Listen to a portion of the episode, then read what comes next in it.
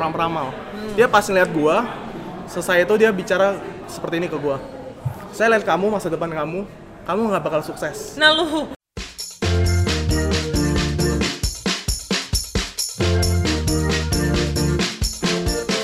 Welcome back to Hot Days, How to Find a Ways with Levilo.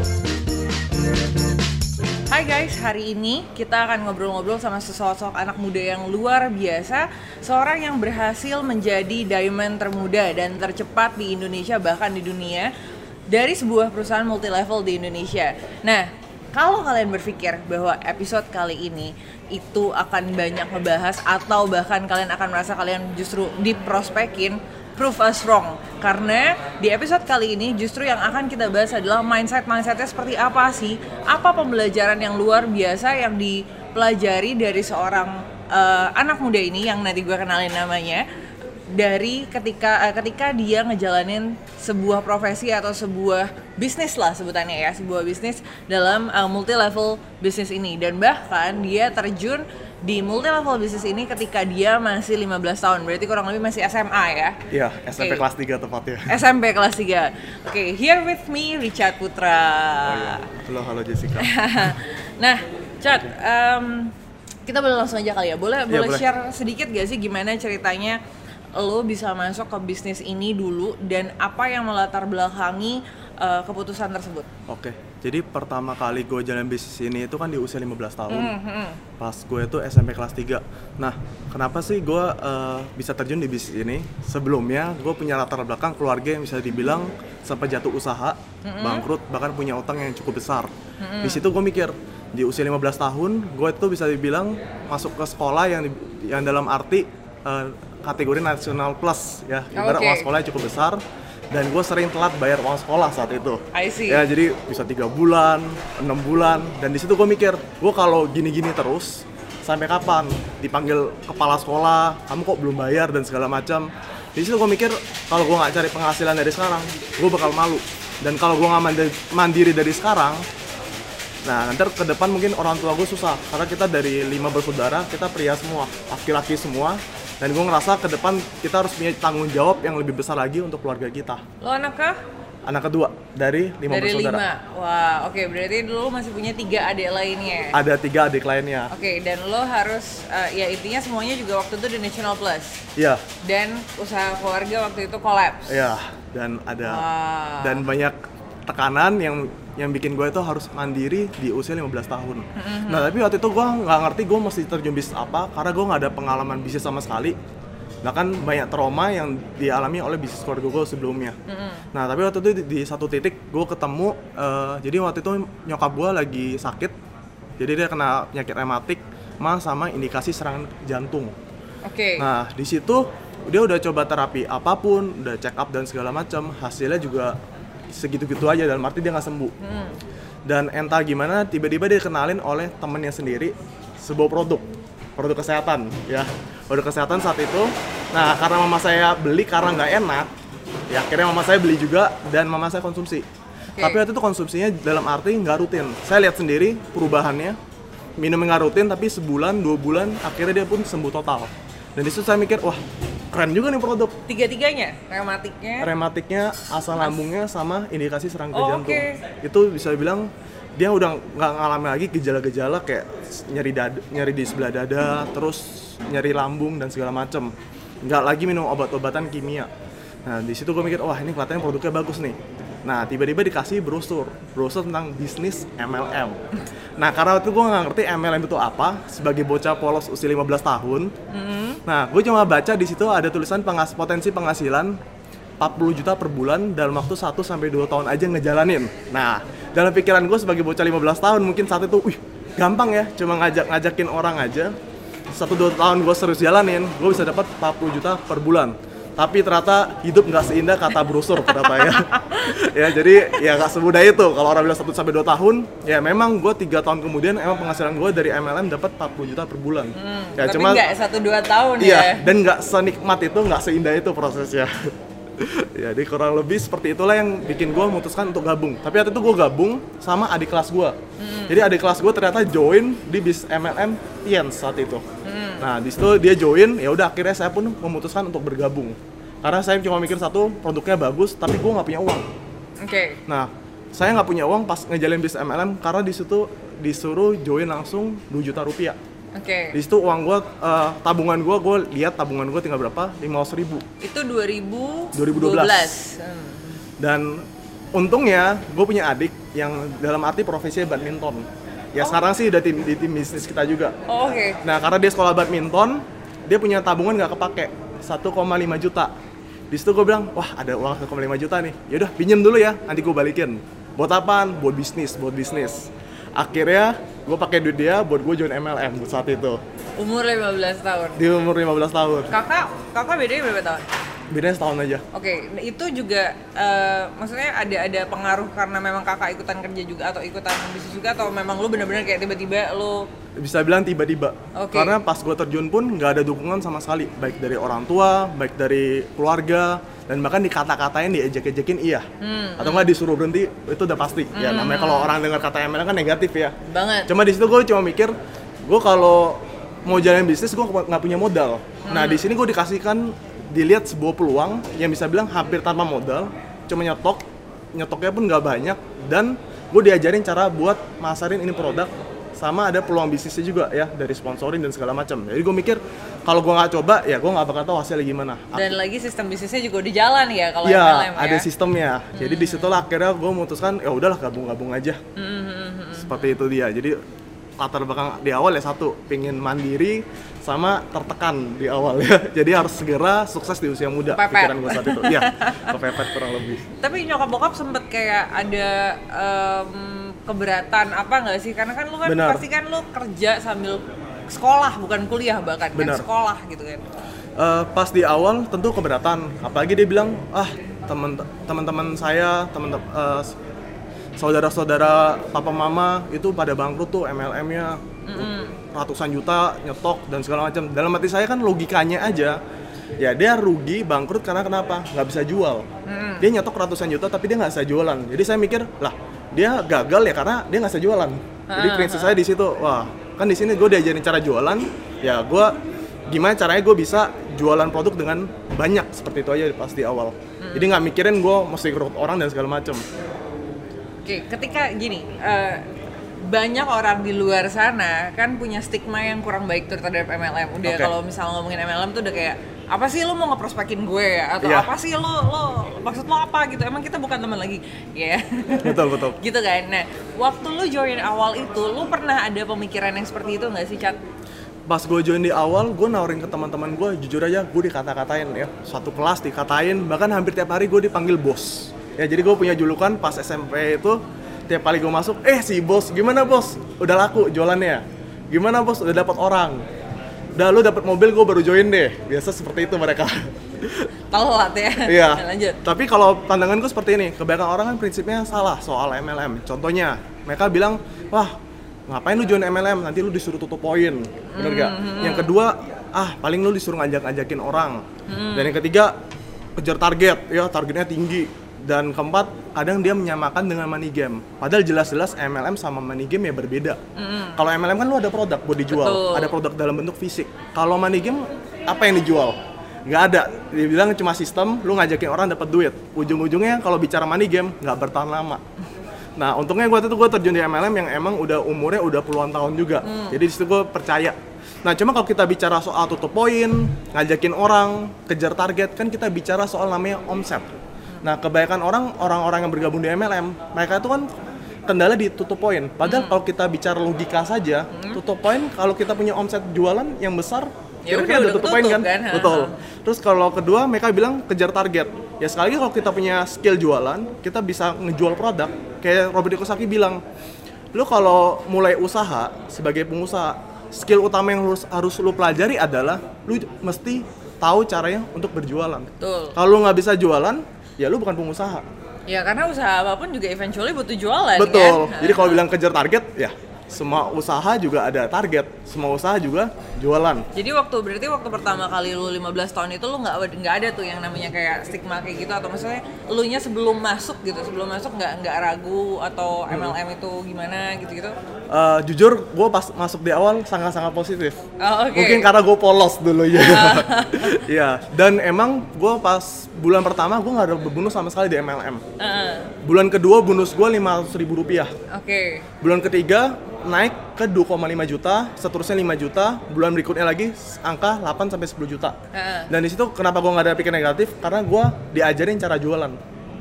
Jadi gue udah dapat penghasilan, gue balikin utang ke adik gue, gue dapet penghasilan, gue kumpulin, terus gue dapet eh, waktu itu usia 16 tahun, gue dapet reward motor, dapet ke Singapura Malaysia gratis. Jadi pikiran gue satu, ya teman-teman gue aja masih sekolah, gue udah jalan-jalan ke mana-mana gitu ibaratnya Jadi jadi udah ya positif aja ya. positif aja.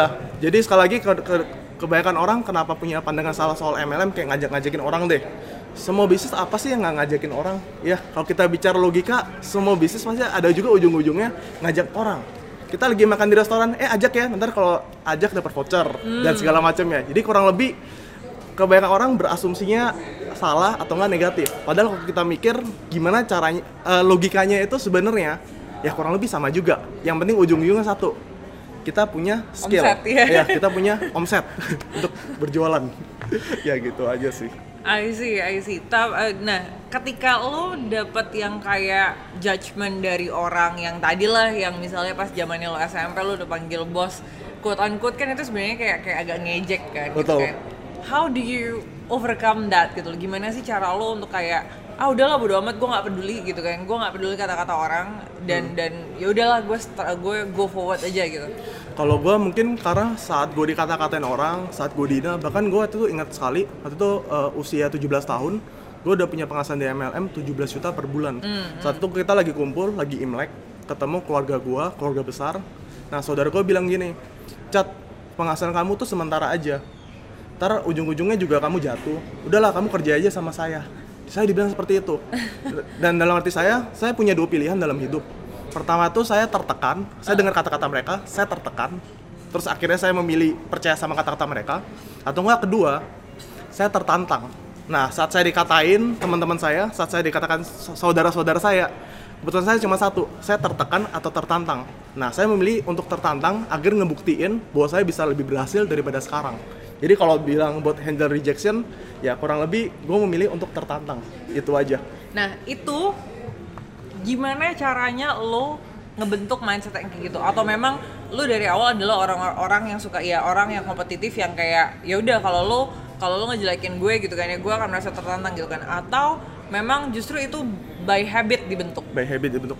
Kalau di awal jujur kalau bicara tertekan sebenarnya pasti ada tertekan. Biarpun gue ngomong gue tertantang nih. Cuma kalau kalau gue bicara tertekan, gue bicara gue inget-inget secara logika aja. Kan kebanyakan orang mikirnya secara perasaan, secara feeling. Ya jadi kalau gue tertekan, kayak gue nggak bakal bisa apa-apa. Nah gue harus memikirkan gimana logikanya. Kalau gue tertekan, gue nggak bakal jadi orang siapa-siapa. Gue mungkin bakal ya ke depan mungkin kalau orang bilang bakal miss queen ya. Queen. ya bakal miss queen terus gue nggak bisa jadi panutan mungkin buat keluarga gue gue nggak bisa buat bagian keluarga gue terutama orang orang tua gue orang-orang yang gue sayangin secepat mungkin kalau gue nggak sukses saat itu juga. Jadi saat gue eh, memilih apakah gue tertantang tertantang gue mikirin kalau gue nggak tertantang gue nggak bisa bahagia mereka. Gue nggak bisa sukses di usia muda.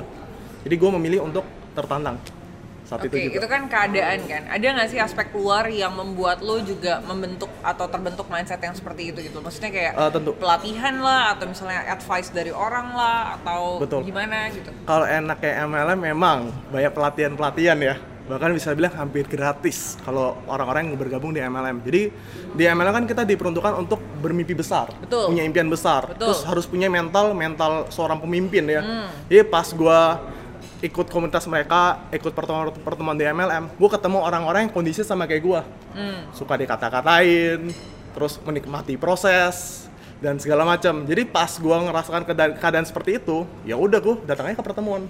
Datang ke pertemuan atau enggak eh, ketemu sama kalau bicara ML namanya upline ya, upline leader yang itu dalam arti adalah mentor bisnis. Jadi udah firing lagi gitu. ya? Iya, jadi dinasihatin lagi, dimotivasi lagi, kembali lagi seperti semula semangat. I see, I see. Oke. Nah, gue lihat kan lo tuh udah sering banget nih dapat award sama prizes dari perusahaan tempat lo kerja ini, maksudnya tempat Betul. lo berbisnis ini gitu kan ya. Dan lo jadi eh, jadi diamond termuda dan tercepat di perusahaan tersebut. Iya. Menurut lo apa sih yang lo lakukan berbeda sama orang lainnya sampai lo bisa achieve hal kayak gitu? Kalau bicara soal diamond, mungkin karena pertama gue mulai dari usia 15 tahun. Ya, jadi kalau kurang lebih gue capai diamond tuh kurang lebih enam tahun. Dan dalam arti diamond tuh harus punya omset kurang lebih minimal di atas 10 miliar. Dan biasanya seorang diamond tuh punya omset miliaran setiap bulannya bersama tim. Nah, cara apa yang gue lakukan saat itu? Gue tuh ngela- ngelakuin dua hal ya. Gue ngelakuin offline, gue ngelakuin online. Online marketing, offline marketing. Offline marketingnya ya gue sampai ke desa-desa, ke kampung-kampung. Gue sempat nginep di peternakan ayam. Gue terapi emak-emak stroke yang udah 7 tahun. Dan di situ gue mikir, gue kalau gini-gini aja, ya kita nyari omset susah, susahnya setengah mati. Kebanyakan orang MLM punya pandangan yang salah soal cara dia ngebangun jaringan. Ini contoh, orang-orang MLM tuh biasanya, eh biasanya ya, Nggak lagi, semua ya, nggak semua, nggak semua. semua. Biasanya berpikir saat gabung MLM, dia tuh harus banyakin ngajak orang untuk bergabung dengan prinsip anggaplah satu orang ini punya omset satu juta dikali seribu orang itu dia udah dapat kurang lebih berapa dia kurang lebih dapat omset satu miliar. M, hmm. nah pertanyaannya orang yang punya omset satu juta bonusnya berapa? Nah gimana caranya buat pertahanin? Kalau dengan bonus yang dalam, arti mereka cuma punya omset satu juta bonusnya ratusan ribu udah pasti. Gimana caranya bisa bertahan itu dengan uang ratusan ribu? Apalagi di Jakarta betul nggak? Betul. jadi gue punya mindset gimana caranya gue bisa bikin tim-tim gue nggak punya omset satu juta tapi punya omset 10 juta per bulan minimal. Tapi 1000 orang. Jadi dari satu miliar jadi 10 miliar. Dan orang kalau udah punya omset 10 juta di tim kita itu biasa penghasilannya udah di atas kurang lebih 5 juta per bulan. Dan di situ gue mikir dengan uang 5 juta per bulan mereka udah pasti bisa hidup. Kedua mereka pasti bisa lebih bertumbuh. Jadi mindset gue satu gimana cara ngajarin mereka agar mereka bisa jualan. Bukan hanya ngajakin orang aja tapi gimana caranya mereka juga bisa jualan jualan banyak terutama dan di online value-nya ya. betul dan hebatnya MLM adalah duplikasi Uh-huh. jadi saat mereka jago jualan mereka tinggal duplikasi ke tim-tim mereka juga agar jago jualan juga Hmm. jadi itu mindset gue saat eh, kenapa bisa jadi diamond tercepat juga dan dan termuda dan yang kedua adalah eh, orang-orang yang bergabung dengan MLM biasanya kalau mereka dapat penghasilan itu mereka langsung berbenah diri memperbaiki penampilan, beli jas, bahkan mungkin beli mobil dan segala macam. Biarpun dalam tanda kutip terkadang eh, belum saatnya mereka beli seperti itu. Ah, Kalau saya saat punya penghasilan, saya investasi ilmu layar ke atas. Ya, jadi saya eh, mendingan dari penghasilannya saya sisihin minimal 10% buat ikut workshop, ikut seminar, eh, baca buku atau enggak belajar sama mentor-mentor yang udah berpengalaman di bidang marketing. Itu yang saya lakukan kenapa saya bisa cepet jadi seorang diamond saat itu juga. hmm, jadi itu kuncinya kurang lebih itu yang berbeda. Iya itu yang mungkin yang bisa bilang berbeda karena kalau orang MLM kan udah kebanyakan ikut training mereka lupa buat investasi training yang lebih mahal lagi mungkin ikut workshop yang dalam arti harga jutaan belasan juta padahal mereka mampu bisa dibilang Dan dan lu punya ini gak sih? eh, kan ketika tadi lu bilang lu punya seribu orang atau lu lu lu nargetin punya seribu orang di bawah lu gitu Oke. kan ya. Lu punya memang orang-orang yang memang close banget gak sih sama lu kayak i- circle circle satunya lu gitu? iya bisa dibilang ada. Eh, ada kurang lebih belasan cuma kalau untuk komunitas kita saat ini udah ada 1500 tim. Hmm. Uh, tim yang bergabung yang dalam arti ya punya omset rata-rata minimal emang di atas 10 juta. Bahkan udah ada tim kita yang udah punya penghasilan puluhan juta ratusan juta per bulan. Dan sekarang udah bisa beli rumah sendiri bisa beli mobil dalam arti dengan kondisi yang dulunya nol bahkan minus. Karena kenapa, kenapa saya tahu karena saya lihat sendiri progresnya perubahannya jadi yang bikin saya kadang bersyukur saya di MLM adalah saya juga bisa ngebantu banyak orang buat berhasil juga salah satunya seperti itu Oke, apa sih yang memotivasi lo untuk tetap ngejalanin bisnis ini gitu? Ketika kan yang ngejar-ngejar lo dalam arti maksudnya yang ngejar-ngejar yang bikin lo kepepet waktu itu kan sekarang udah nggak ada kan? Iya betul, udah nggak ada. Yang bikin gue tuh motivasi saat ini jujur ya salah satunya adalah tim gue juga. Jadi gue lihat kan tim tim gue yang bergabung di bisnis ini, mereka semua rata-rata dari bawah, bahkan dari minus. Tapi saat mereka udah dapat penghasilan, mereka sharing ke gue, cat makasih ya berkat lu, gue sekarang udah bisa dapat ini, dapat ini, dapat ini. Berkat bimbingan lu, sekarang gue seperti ini. Terus saya juga lihat banyak tim-tim yang bertumbuh, yang dalam arti secara dia sadar itu motivasi gue.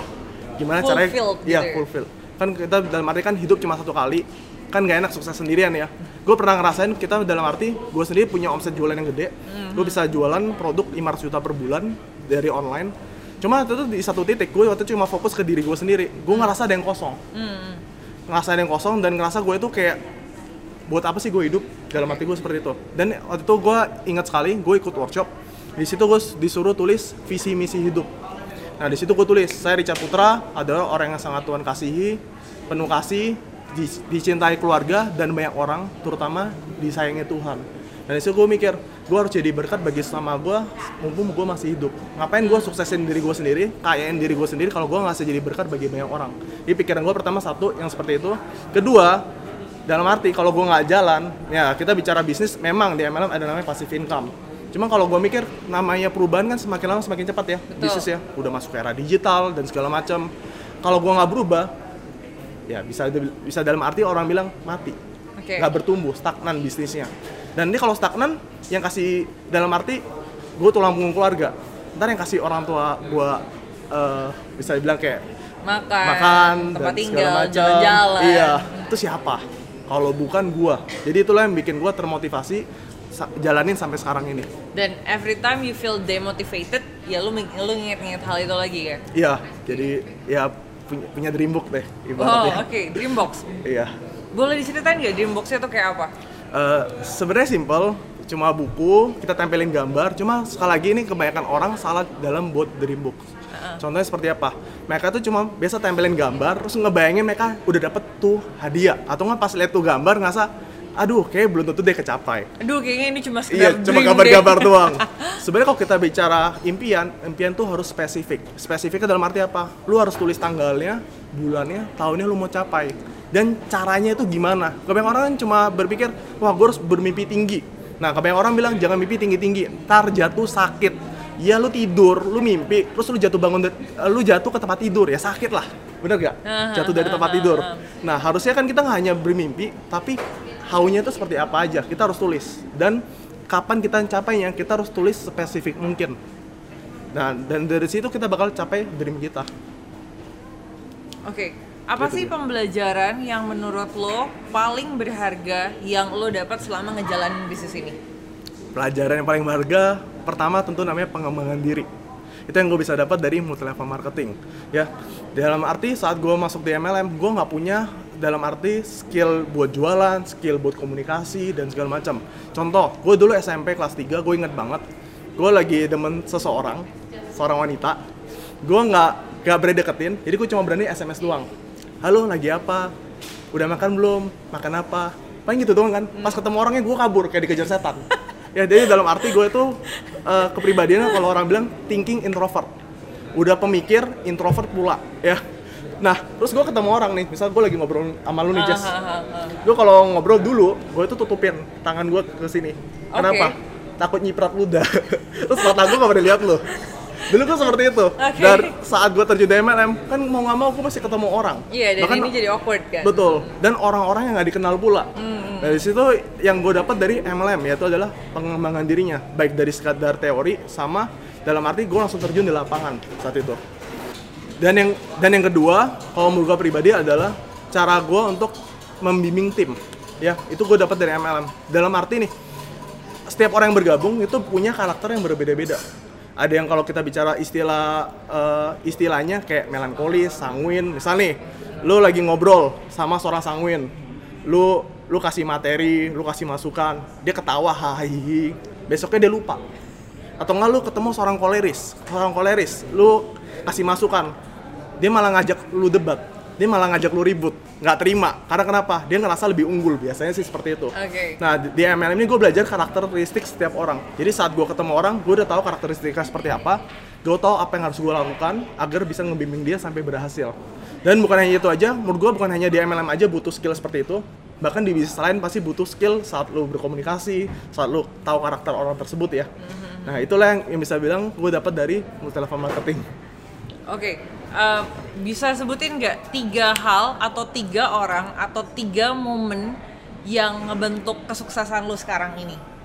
Oke, kalau bicara orang tentu pertama adalah orang tua gue sendiri. Heeh. Ya, jadi sekali lagi gue terjun di bisnis di usia 15 tahun, gue pingin mandiri gue pingin jadi dalam arti gue pingin jadi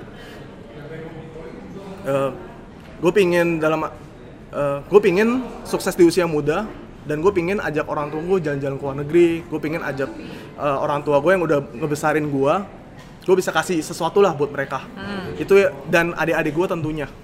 Jadi kalau bisa bilang yang pertama motivasi gue tentu orang tua. Biarpun mereka dulu mungkin nggak ngedukung gue tapi ya mereka ngelahirin ngelahirin gue besarin gue dari kecil dan dalam arti gue harus ada sesuatu yang harus gue kasih ke mereka. Dan itulah alasan gue kenapa gue pingin sukses di usia muda. Nah yang kedua, kalau bicara public figure, gue harus gue tentu harus sebut namanya Tung Desa. Oke. Ya jadi gue belajar dari Pak Tung Desa itu waktu itu gue cuma kenal sekedar kenal beliau dan gue waktu itu dengar seminarnya mahal. Nah karena waktu itu gue nggak punya uang, itu waktu itu usia 16 tahun, gue memutuskan untuk beli CD-nya, beli CD audionya, gue beli bukunya juga Marketing Revolution, CD-nya Sales and Marketing Revolution sama Life Revolution. Karena gue punya kepribadian minder, gue pingin segera berhasil. Gimana sih caranya? Ya ngembangin diri kita dong tentunya ya. Nah gue denger tuh kaset gue lonjak-lonjak, dia kan suka lonjak-lonjak tuh kalau seminar tuh. Gue lonjak-lonjak sendiri, gue ubah kebiasaan gue pakai ilmu NLP-nya dia yang di Life Revolution.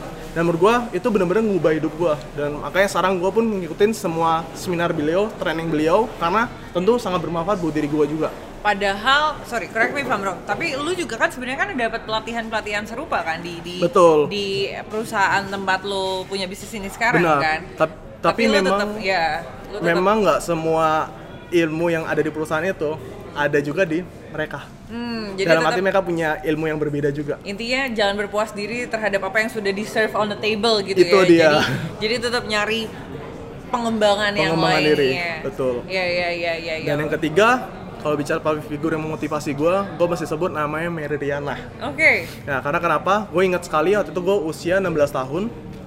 Gue waktu itu baru launching bukunya dia, buku mimpi sejuta dolar, langkah sejuta sulu. Gue baca dan inspirasi gue banget. Gue ikut seminarnya juga. Yang bikin gue ter- terinspirasi sebenarnya cuma satu. Dia kan terjun juga waktu itu di industri uh, Insurance. insurance ya. Yes. Dia kerja 14 jam per hari tanpa libur. Nah, gue bayangin itu insurance loh. Itu lebih susah mungkin nawarin ya, mungkin ya. Karena mesti ketemu orang satu-satu dan segala macam. Dan gue mikir ini cewek, gue cowok. Masa gue cowok kalah sama cewek kerjanya? Bikin malu aja. Jadi tiap kali, ini jujur, gue tiap kali dulu dulu pas eh, masih susah, gue naik busway, naik angkot ke mana-mana, ketemu tim gue dan segala macam. Pas gue lagi ngedown, pas gue lagi kayak mau jatuh, gue langsung mikir, Mary Riana aja bisa, masa gue nggak bisa sebagai seorang cowok? Ya, muka gue taruh mana? Ya, pakai rok aja gue kali ya kalau orang bilang. Ya, kurang lebih sih seperti itu. Oke. Iya. Cukup membawa gender sih, tapi ya sudah lah ya karena membawa hal yang Iya, positif betul. ya. Oke, kalau kalau momen, ada nggak sih momen-momen yang kayak membuat lo jadi sesukses sekarang gitu loh, atau mendukung kesuksesan lo yang sekarang? Selain tentunya momen yang tadi di mana keadaan memaksa sehingga lo yang tadinya sekolah di National Plus terus jadi nunggak dan lain-lain gitu gitu. Oke. Momennya sih sebenarnya banyak, terutama momen yang Oh ya, kalau bicara soal momen, momen yang sebenarnya gue paling ingat adalah eh, saat itu gue ingat sekali gue lagi jelasin ke prospek gue, dia kebetulan orang indigo, ya. Oke. Jadi ada tiga orang, in- eh, jadi di lokasi yang berbeda, di waktu yang berbeda pula, gue ketemu tiga orang yang mengaku, seorang indigo, seorang peramal. Dia pas ngeliat gue, selesai itu dia bicara seperti ini ke gue. Saya lihat kamu masa depan kamu, kamu nggak bakal sukses Nah lu, kamu bakal segini-gini aja, hidup kamu bakal susah, masa depan kamu buruk, udahlah kamu jadi orang-orang biasa-biasa aja. Yang sukses tuh nanti adik kamu, bukan kamu. Itu yang ngomong bukan satu orang, bahkan sampai tiga orang. Di situ jujur, ya lu bayangin, lu tiba-tiba diramal oleh orang yang lu lu dan kenal. lu dijudge gitu kan? Dan gue dijudge seperti itu. Ah, ah. Dan bukan hanya satu orang, tiga orang berkata yang sama. Bagaimana perasaan lu saat itu? Ih, ini orang apa banget sih? Ih, ini orang nyebelin banget sih, Iya. siapa lo gitu kan? Berarti apa jangan-jangan dia bener ya? Dan terkadang kan kebanyakan orang pas denger kayak gitu, oh iya itu masa depan gua. Tersugesti. Iya, dalam pandangan gua, hidup kita di tangan Tuhan, bukan di tangan manusia.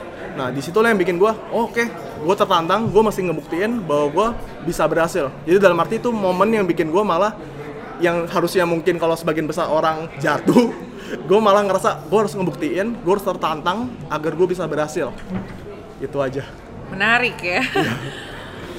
Oke, nah em, kan gue gue gue sempat lihat juga nih, eh, Chat, lu sekarang punya satu yang namanya bisnis milenial Oke. atau em, apa millennial online community ya Ya, Master Online Eh, Community. sorry, sorry, Master Online Community MOC ya. Iya. MOC. Nah, eh, itu kan walaupun memang masih cukup berhubungan, tapi kan itu kan di luar apa yang lo kerjakan. Iya, kan? betul. Nah, menurut lo sebelum sebelum gue ngebahas MOC itu apa dan teman-teman mungkin juga pengen tahu MOC itu apa gitu kan ya. Eh, menurut lo apa yang lo sudah pelajari di MLM selama ini gitu kan? Itu ngebentuk lo nggak sih atau ngebantu lo nggak sih ketika lo nge-starting bisnis yang lain atau walaupun yang mau punya mau yang relevan maupun yang atau mungkin nanti nggak tahu nanti lo ekspansi bisnis yang lainnya mungkin di masa depan. Oke. Nah, gimana menurut lo? Eh, tentu kalau bicara soal ilmu di MLM itu banyak hal yang gue pelajarin salah satunya adalah tentunya mental Oke. ya kalau bisa bilang mental orang MLM tuh dalam arti memang mentalnya hebat-hebat ya bahkan mengerikan kalau orang bilang dalam arti dikata-katain orang dihina-hina orang mereka tuh punya mindset satu bahkan sampai sa- saya juga seperti itu kalau saya dikatain dan segala macam proses Proses. proses. Positif aja. Nah kena- uh, kenapa gue bikin emosi? Jadi waktu itu gue bikin emosi itu di awal adalah gue lihat bukan hanya MLM aja sebenarnya bahkan banyak bisnis yang jual produk di marketplace jual produk di online itu jatuhnya perang harga. Ya pasti. Iya pasti, ya. Dan gue banyak sekali lihat teman-teman gue yang katanya omsetnya miliaran tapi pas gue ketemu gue belajar sama dia ternyata dia cuma untungnya lima ribu rupiah. Jadi dia jual barang elektronik dia cuma untungnya lima ribu rupiah sepuluh ribu rupiah. Karena kenapa? Ya gue main quantity aja cat nah dalam arti gue mikir kalau gue seperti itu mungkin gue bisa sukses. Tapi suksesnya sendirian. Nah bagaimana dengan tim-tim gue yang lain? Nah di situ gue mikir gue harus ciptain sebuah komunitas yang produknya itu dalam arti udah gue tetapin. Harus jualnya segitu. Dalam arti keuntungannya harus besar bebas perang harga ada yang nakal bisa kita kasih pelajaran ibaratnya jadi dalam arti pertama gue cari yang produknya itu bebas perang harga. Kedua keuntungannya besar buat distributor dan segala macam kan mereka juga butuh modal buat promo ber- buat berpromosi lah nanti ke depannya ya. Dan ketiga mereka harus dalam arti memiliki mentor. Kayak gue pribadi gue punya mentor di MLM tapi kan gue juga punya mentor-mentor di bidang yang lain. Kayak contoh digital marketing gue belajar sama siapa. Public speaking gue belajar sama siapa. Dan segala macamnya dalam arti gue pingin gue punya komunitas yang punya mentor yang dalam arti praktisi. Dalam arti ya mereka terjun di bisnis yang sama jualan produk juga dan udah ada hasil yang bisa nge-blooming member-member yang lain agar bisa berhasil juga. Akhirnya gue memutuskan untuk bikin komunitas yang namanya Master Online Community. Yaitu adalah sebuah komunitas bisnis online yang punya prinsip jualan produk bebas perang harga keuntungan besar dan dibimbing dan dibimbing oleh mentor berpengalaman sampai berhasil. Jadi itulah awal gue bikin emosi Oke. Tapi prinsip-prinsip itu lo ambil dari pembelajaran lo selama waktu lo di MLM kan? Betul punya sekali. mentor, dia punya produk yang Unik. yang unik, yang bisa di set harganya, Betul. gitu kan? Dan keuntungannya yang paling besar. penting mental. ya itu yang mental Oke, banget. boleh dijelasin gak sih tadi emosi itu eh, lebih tepatnya seperti apa atau produk-produknya tuh apa aja atau ya terus atau atau apa sih yang lo lakukan di emosi ini? Oke, jadi di emosi ini kita ada, ada dua konsep. Pertama itu kita tetap masarin produk eh, dari MLM kita sendiri, tapi dengan tentu cara yang unik, makanya bisa bebas perang harga dan punya branding yang sangat besar ya. Jadi kalau lu lihat produk gua itu biasa bertebaran dipromosi oleh banyak artis, biasa seperti itu. Oke. Dan kedua ada produk juga sekarang non MLM. Dalam arti lu gabung di emosi, selain lu bisa jualan produk MLM, lu juga bisa jualan produk non MLM yang bebas perang harga. Dan Produknya tadi, ini- produk non MLM eh, sorry produk MLM-nya pun juga kalau lu jual itu juga lu nggak perlu masuk MLM-nya kan? Iya, lu nggak perlu masuk. Oke, oke, oke. Tapi biasanya otomatis kalau udah penghasilan besar, Pasti, pasti pengen. lu ah gabung aja lah, toh dapat bonus perusahaan kan. Ah. Logikanya kan seperti itu aja, simpel ya. Heeh. Iya, jadi eh eh sorry, tadi apa? produk MLM dan produk non MLM. produk ya produk MLM. Jadi kita ada dua produk, produk MLM dan produk non MLM. Nah bukan itu aja, kita juga ada- udah sediain juga strategi digital marketing dan strategi offline marketing ya. Jadi semuanya udah ada, baik dari e-course, baik dari seminar, baik dari workshop itu kita udah siapin semua buat member-member yang bergabung di Masteran Community. Itu dia. Dan setiap minggu lah pembelajarannya sama mentor-mentornya. Nah, yang barusan lu rilis ini adalah Instagram Eh, Instagram ya im- Oh, yang gue rilis buku Master Secrets Instagram 4.0. Nah, itu adalah buku praktisi Insta eh, cara gue berjualan di Instagram. Gimana gue bisa dapat omset miliaran per bulan dari bisnis online gue yang sekarang jualan Instagram. Dan eh, semua formula yang kira-kira lu butuhin untuk lu belajar di untuk lu belajar memulai dan maksimalkan Instagram lu, lu bisa dapatkan di buku itu, Master Secret Instagram 4.0. Buku ya, masih pre-order kan? Iya, masih pre-order sekarang. Masih pre-order guys. Ya. Mungkin nggak tahu ya, kalau mungkin setelah nanti ini dipublish sudah nggak jadi pre-order karena Betul. setahu gue pre-ordernya bentar lagi tutup. Iya, bentar kan? lagi tutup sih. Iya, gitu Oke oke oke. Nah, eh, kenapa sih lu bikin apa sih yang memotivasi lu untuk bikin MOC ini? Padahal kan lu juga sudah cukup sibuk gitu loh di, di bisnis lu yang sekarang. Iya, jadi yang motivasi gue pertama di emosi adalah ya kan sekali lagi gue bilang gue kan bisa bilang terjun di MLM dalam arti gue banyak masarin produk juga via online dan dalam arti gue kadang juga bilang gue adalah seorang digital marketing gue ngajarin tentang jualan online baik Facebook Ads segala macam terus gue juga ya hypnowriting segala macam lah ilmu-ilmu yang ada di online nah gue bilang ke grup gue lu harus bisa maksimalin personal branding ilmu digital marketing. Nah, mereka kan juga harus ngeliat gua dong. Nah, ini orang ngomongnya digital marketing, personal branding segala macam, dia ngelakuin nggak? Oke. Nah, tentu dong gua harus ngelakuin dulu. Dan akhirnya gue memutuskan gue bikin Instagram yang, yang namanya bisnis milenial. Heeh. Nah, kenapa sih gue bikin seperti itu? Mungkin kebanyakan mungkin kebanyakan orang berpikir seperti ini. Aduh, takut ah personal branding. Heeh. Ya, gue takut dikatain orang, gue takut dijudge orang gimana-gimana. Gue takut kayak gue belum punya ilmu sampai seperti itu deh. Nah, justru nggak nggak harus kayak gitu, ya. Jadi kayak kemarin gue belajar dari Gary V, Grant Cardone dan segala macam, baik dari seminar-seminar dalam negeri maupun luar negeri. Yang gue pelajarin satu, lo harus bangun namanya authority lo, reputasi lo. Nah, gue mulailah bangun reputasi gue di online dari gue bikin bisnis milenial. Tujuannya yang pertama satu, bangun authority. Jadi kalau orang tau lah bisa bedain orang-orang yang dalam arti cuma sekedar ngecap doang, ngomong doang, sama yang praktisi, betul? Nah di situ kan gue ngerasa gue praktisi, gue juga udah buktiin. Di situlah udah saatnya gue personal branding juga buat ngebuktiin juga ke tim gue yang pertama. Yaitu salah satunya pertama bangun authority gue. Yang kedua, gue percaya sekali lagi sharing is caring. Ya dalam arti kalau gue prinsip hidup gue kan satu, gue juga pingin jadi berkat bagi, bagi banyak orang. Nah gimana cara gue jadi berkat bagi banyak orang? Mungkin kalau buat tim gue sendiri, gue mungkin udah jadi berkat, gue bimbing dan segala macam.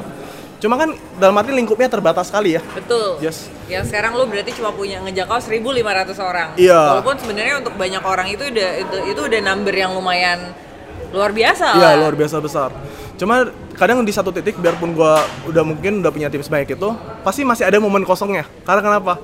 Sekali lagi gue lihat lagi dari visi misi. Kalau mau jadi berkat bagi sesama, berarti harus ada sesuatu yang orang itu bisa lihat. Betul. Orang itu bisa nonton tanpa harus ketemu sama gua. Dan itulah yang bisa gue lakukan saat gue di media sosial.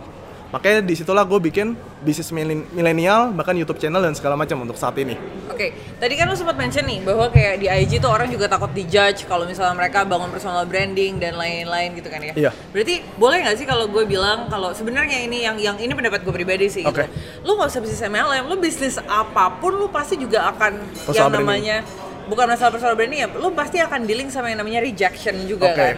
Kayak lu pasti ditolak orang, nggak usah bisnis. Lu lu nembak cewek aja ditolak orang kan. Yes. Bisa eh salah. Bisa punya kemungkinan ditolak. Nggak nggak selalu kok, nggak selalu. Oke. Iya kan. Nah, eh, dan ketika dan judgement itu mau lo bisnis apa pun, judgement itu juga pasti selalu ada kan. Dan Betul. apa pun yang lo lakukan, judgement itu selalu ada kan. Kayak orang itu tetap akan ngejudge lo gitu kan. Lo Iya. duduk, lo dijudge. Lo berdiri, lo dijudge gitu Oke. kan. Lo ngomong A, lo dijudge. Oke. Ya kan. Gimana sih lo eh, overcome that? Terus kayak lo yang ah udah podo eh, ya gue nggak usah peduliin sama orang itu gitu kan dia mau ngejudge gue apa dan lain-lain gue tetap jalanin aja Oke, mungkin pertama karena gue per- pernah punya pengalaman di MLM yang cukup pahit. Jadi waktu gue ingat gue lagi masterin produk di sebuah vihara. Kita lagi ngaduin namanya cek kesehatan. Itu ada emak-emak ketemu baru ketemu sama gue, udah teriak-teriakin gue, ngata-ngatain gue, marah-marahin gue. Udah kamu ngapain jual gini-ginian? Bodoh kamu, bla bla bla. Di situ momen yang justru dalam hati gue, ini orang apaan sih? Ya, dan dalam arti dalam hati gue, gue mikir kita sekali lagi punya mindset satu. Kalau digituin, proses. Proses. Proses. Bahkan gue waktu itu penghasilan gue udah sekitar eh, 80 juta per bulan waktu itu di usia 18 gue lagi nganterin tim gue masih naik motor emak-emak usia 40 tahunan. Hmm. gue nganterin ada tiga orang emak-emak gue nganterin naik motor buat bantu mereka cek kesehatan lah dan segala macam yang ada di MLM ya. Iya. nah di saat itu suaminya ngeliat gue marah-marahin gue kamu ngapain deketin istri saya? Nah lu. Dan segala macam. Dan hati, lah kan gue niat gue ngebantu lu kan, Tunggu, itu buat lu tim- berhasil tim kan. lu justru? Iya, itu tim gue.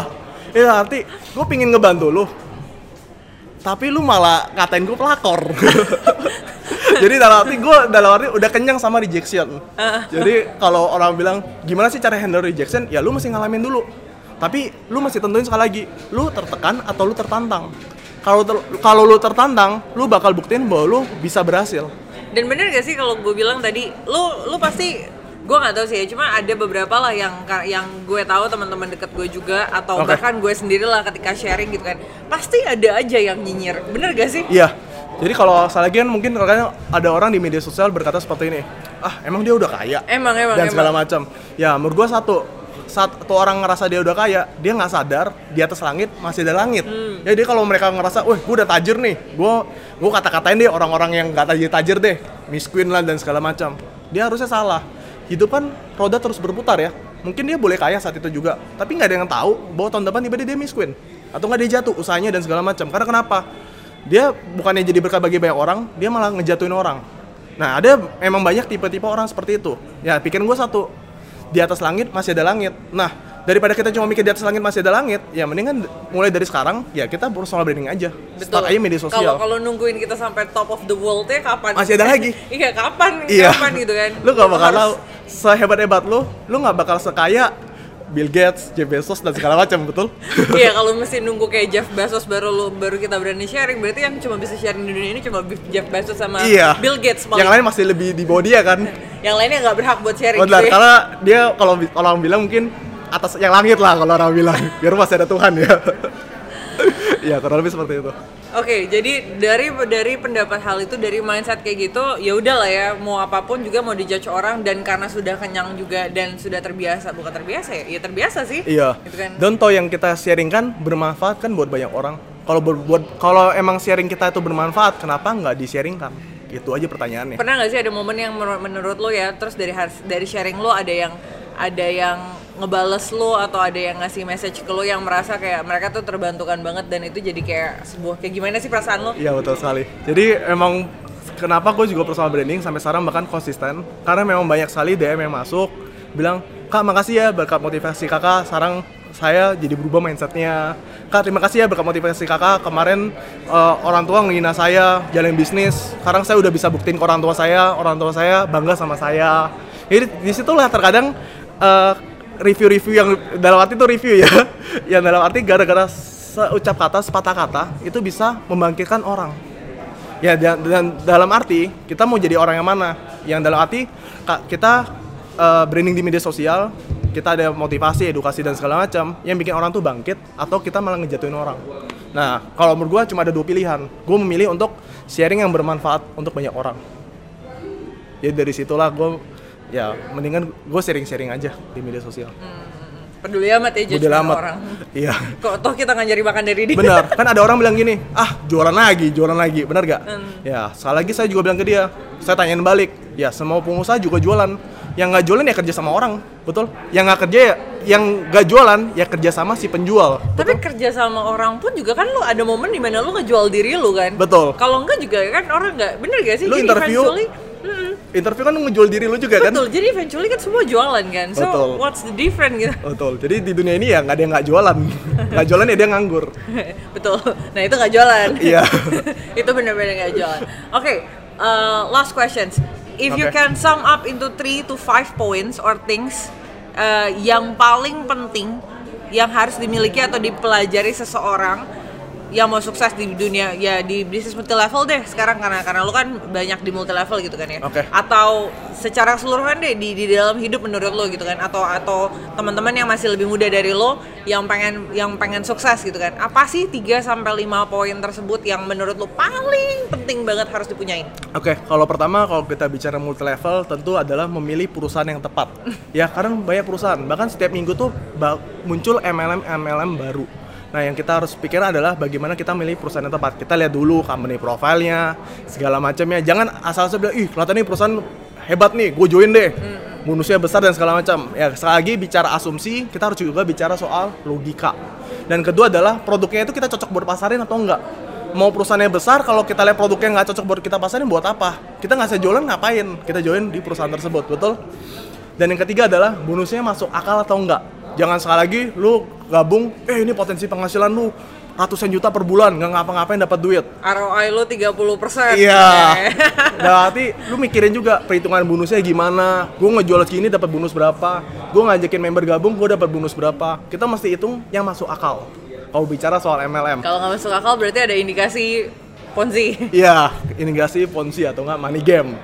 Dan kedua adalah ini eh, ditujukan untuk semua bisnis juga atau semua pengusaha ya adalah kita punya impian yang besar.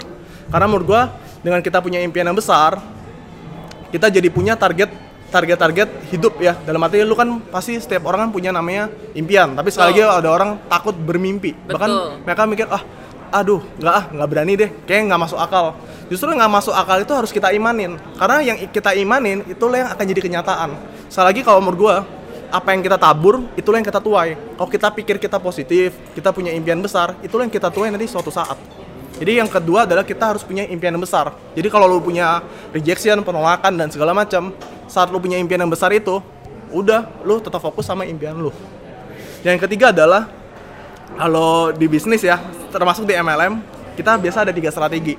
Gimana caranya strategi kalau lu jualan produk, itu kalau di MLM ada tiga kekuatan. Yang gua yang mungkin lu bisa terapin. Ada namanya user, selling, dan networking. User adalah ya lu konsumsi produk kan. Nah konsumsi produk lu duplikasi juga ke tim-tim lu juga agar dia konsumsi produk buat kesehatan lah, buat kecantikan. Yang kedua adalah selling. Ya lu harus belajar buat gimana caranya lu bisa jualan. Jualan produk lu kalau bisa ya dengan ukuran skala yang besar. Dan tentunya yang ketiga networking. Gimana caranya lu bisa ngerekrut banyak tim dan lu bisa duplikasi cara kerja lu uh, misal skill skill jualan lu ke tim-tim lu. Ini berlaku juga kayak bisnis dropshipper, reseller dan segala macam tentunya ya. Coba boleh dijelasin nggak tadi kalau misalnya kayak di bisnis lain kan kadang-kadang orang nggak kebayang. Terus apa maksudnya kalau misalnya user saling sama eh, sama networking kalau di Oke, bisnis lain? kita bicara misal nih, lu punya barang sendiri, lu punya barang sendiri. Nah, kalau pertanyaannya, lu bisa jualan sampai kapan? Lu jualan barang lu di online, jualan lu banyak, mungkin lu nge-hire karyawan dan segala macam, betul. Nah, kalau lu mau ekspansi bisnis yang sangat besar, lu butuh namanya networking juga. Jadi pasti biasanya ada istilah namanya agent, ada namanya distributor di setiap kota dan segala macam. Ya, ujung-ujungnya kita harus bentuk namanya jaringan atau enggak sistem Reseller Iya. atau ya atau distributor ya. itulah yang bikin omset lu besar dan sangat-sangat besar dibandingkan saat ini mungkin Multiplikasinya ya. multiplikasinya besar nah yang berikutnya adalah kalau menurut gue pribadi investasi ilmu leher ke atas itu menurut gue sangat-sangat penting ya karena kebanyakan orang sekali lagi takut buat bayar harga.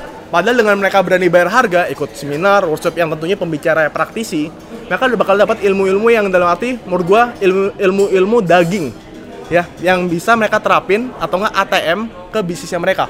Amati tiru dan modifikasi. Dan yang terakhir kalau menurut gue pribadi adalah memiliki mentor yang tepat ya. Jadi lo mau jalan bisnis apa pun mau baik MLM dan segala macam lo harus punya mentor yang tepat. Dalam arti lo bilang lo mau terjun di eh, bisnis yang berhubungan dengan strategi digital marketing. Lo punya mentor nggak ngerti digital marketing? Gimana cara yang ngajarin lo bener gak ya pastikan lu punya mentor yang praktisi dan udah menghasilkan. Nah lu belajar sama dia dalam arti jangan jangan ngerasa wah dia yang butuh gua. Enggak lu yang butuh dia. Jadi dalam arti lu mesti luangin waktu banyak buat dia.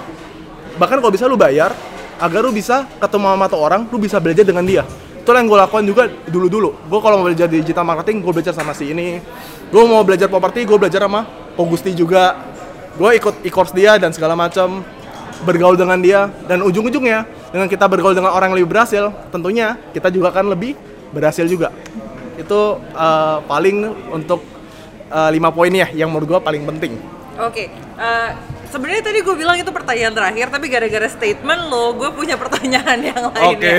Nah, tadi eh, ketika lo bilang gitu kan, jangan jangan ragu untuk bayar harga gitu kan. Oke. Eh, itu menurut lo gini gini, banyak orang yang kayak merasa tuh kayak, aduh gue bayar segini ntar cuma bikin kaya yang punya ilmunya gitu kan, atau yang Oke. punya seminarnya, atau yang punya workshopnya. Menurut lo gimana sih gitu? Nah, pertanyaan gue satu, lu butuh nggak?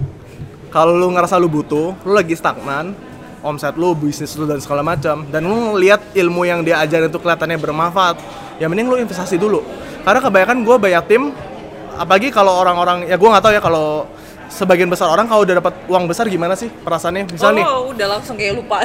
Iya, gue punya tim bisnis yang waktu itu punya penghasilan 50 juta per bulan. Jadi dia langsung resign dari pekerjaannya jadi seorang karyawan. Dia resign dia full time. Nah pas dia full time, dia nggak mau ke pertemuan, dia nggak mau ikut seminar, gue ajak ketemunya susah. Ngomongnya apa? Sibuk, sibuk, gue keluar kota dan segala macam. Eh, 3 sampai 4 bulan kemudian penghasilan jatuh dari angka 50 juta jadi nol lagi, akhirnya dia kembali ke kar- jadi karyawan. Karena menurut gue kenapa? Dia nggak berkembang, mentalnya nggak berkembang, attitude-nya nggak bagus, dan ujung-ujungnya ya lu butuh ilmu. Nah ilmu ilmu kalau lu nggak bisa dapat di sesama lu, apa yang lu harus, lo- harus lu lakukan? Ya lu harus ikut seminar, ikut workshop yang berbayar mahal. Nah kenapa sih pembicara itu kasih biaya yang mahal? Kalau menurut gue pribadi satu, kalau dia kasih gratis, yang datang siapa? Ya orang-orang yang dalam arti punya message gratisan Dan tidak menghargai ya. dan tidak ilmunya menghargai ya. pembicara. Kalau dia investasi cuma ratusan ribu, ya kita harus hargai waktu dong si pembicara tersebut juga. Dan kalau dia cuma jual ratusan ribu, berarti si pembicara itu nggak bisa jual, emang nggak bisa jual, nggak bisa punya kemampuan buat jualan produk jutaan dong. Dalam arti, bener gak? Bisa jadi. Dalam arti, gue jago jualan, gue jago digital marketing, tapi seminar gue cuma lima puluh ribu rupiah. Iya nggak? Berarti Dan seminarnya satu hari full lagi betul. gitu ya. Dan dalam arti itu dia ngabisin banyak waktu dia hanya buat sharing sama lu. Ya lu harus dong investasi uh, biaya juga yang dalam arti menurut gue itu bukan pengeluaran, liabilitas ya. Ini menurut gue itu adalah investasi untuk diri lu sendiri. Saat lu berkembang, otomatis penghasilan lu pasti naik. Itu aja yang gua, yang mindset gua. Jadi saat lu punya skill, saat lu punya pengembangan diri, lu bertumbuh, semakin lama semakin pesat, dijamin lo juga dapat penghasilan yang besar dan bukan hanya itu aja relasi jadi gue pas ikut seminar-seminar yang berbayar mahal gue dapatnya apa? Koneksi yang hebat-hebat. Orang-orang yang ikut seminar itu kan udah pasti rata-rata pengusaha. Yang berani bayar segitu juga. yang benar-benar segitu juga. Punya mindset yang sama punya mental yang kurang lebih sama. Gue belajar juga sama dia dan ke depan gue juga bisa berkolaborasi sama dia. Kayak gue ketemu Ko Gusti ketemu Jessica juga di NAC ya pasti di Singapura ya. Kita eh, apa seminar Gary Vee sama Green Cardone. Lagi ngantri kan? lagi Mau ngantri. foto sama Gary. iya betul gitu dia gue ketemu Meriana gue ketemu Ken Henderson dan segala macamnya lah orang-orang I sukses see, I see. Nah, benar-benar last question kali ini. Kecuali lu menimbulkan pertanyaan lain. Oke, boleh. Gimana caranya atau tips lo ke teman-teman yang lain membedakan orang yang atau seminar-seminar yang orangnya tuh praktisi atau bukan? Karena kan lu tadi bilang bahwa ya lu better eh, cari dari orang yang memang praktisi gitu. iya betul pertama kali kalau gue mau ikut seminar pasti gue cek dulu di Google orang itu kayak gimana? Sekarang semuanya bisa di Google Semua ya. Google ya. Orangnya kayak gimana profilnya gimana latar belakangnya gimana. Kalau bisa bahkan gue cek eh, YouTube-nya dia mungkin ada wawancara dan segala macam. Atau enggak mungkin kalau misalnya nggak ketemu nih ya biasanya kalau mereka udah jadi pembicara dan segala macam mereka pasti punya bisnis dong. Nah lu cek bisnisnya beneran ada atau enggak kalau nggak ada atau mas maksudnya dia ngajarin bisnis tapi dia nggak punya bisnis ya ngapain ikut? Atau enggak tiap kali eh, pas lu pertama kali ikut seminar dia mulailah dulu, dulu yang murah-murah dulu. Misalnya ratusan ribu. Lu lihat dia ngomong kayak gimana? Cocok nggak? cocok lo gak cara sama ngomong? bisnis lu? Terus lu ngelihat dia praktisi atau cuma ngomong doang? Kan banyak yang kayak gitu juga kan. Nah kalau gue ikut seminar seperti itu workshop seperti itu gue bisa bedain yang mana yang cuma ngomong doang dan yang mana yang udah praktisi. Dan biasanya yang udah praktisi ini dia juga ngelahirin orang-orang yang berhasil juga. Dalam arti orang-orang yang bergabung di workshop dia seminar dia udah ngebuktiin juga apa yang dia ucapkan itu itulah yang buat gue bedain lah yang ngomong doang sama praktisi Berarti cari datanya dulu, background check dan lain-lain. Betul. ya. Dan menurut gua praktisi layak sekali kita investasi cukup tinggi itu aja. Bukan Menghargai karena gue punya uang ya. dia, Ah, ya. ah. Karena gue dulu juga awal-awal mulai lagi dari CD audio. Bahkan jujur itu bajakan. Puluhan ribu. Cuma akhirnya gue ikut seminar untungnya, dia. Ya, untungnya udah ikut MBT ya. Iya. Jadi ya sudah. Jadi oke lah ya sama TFT atau 20 jutaan lah. Oke. Satu pesan terakhir buat teman-teman yang di luar sana. Satu kalimat aja. Eh, satu kalimat ya.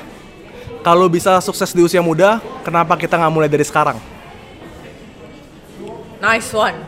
Singkat, padat, jelas. Kalau bisa Iya. sukses di usia muda, kenapa nggak mulai dari sekarang? Kenapa harus nunggu ikutin norma yang ada Iya. ya? Oke oke sip, thank you banget Richard. It's been a very nice evening enggak evening ya afternoon kita, Oke. afternoon talk dan gue yakin teman-teman di luar sana juga belajar banyak banget dari hasil obrolan kita hari ini. Bagaimana lo struggle tadi juga dari umur 15 tahun, berarti umur juga nggak nggak jadi suatu angka yang bisa mendefine seseorang ya Betul. dan eh, dan gimana lo bisa sukses dan apa yang lo lakukan secara berbeda dan apa hal-hal penting buat lo. Mudah-mudahan ini juga bisa menginspirasi teman-teman di luar sana. Nah, buat teman-teman yang mau uh, kenal lebih lanjut tentang Richard atau pengen tahu lagi uh, kegiatan-kegiatannya dia bisa di follow Instagramnya @richardputraofficial. Oke. Betul ya? Betul, @richardputraofficial. Richard Putra Official. Sip, itu aja dulu Richard. Oke, Thank you, siap. thank you waktunya, thank you atas effortnya dan thank you sudah dikenalkan kepada tempat yang luar biasa ini. Oh ya, cantiknya. oke. Siap, siap. Uh, I yeah, hopefully we can catch up in another event dan mungkin bisa kita ya sharing-sharing lagi lah next time. Oke, siap. Sip. Thank Oke, you. thank you, Jessica, ya. Thank you, thank you, Yo, thank you. Sip, thank you guys. See you on the next time. Next time.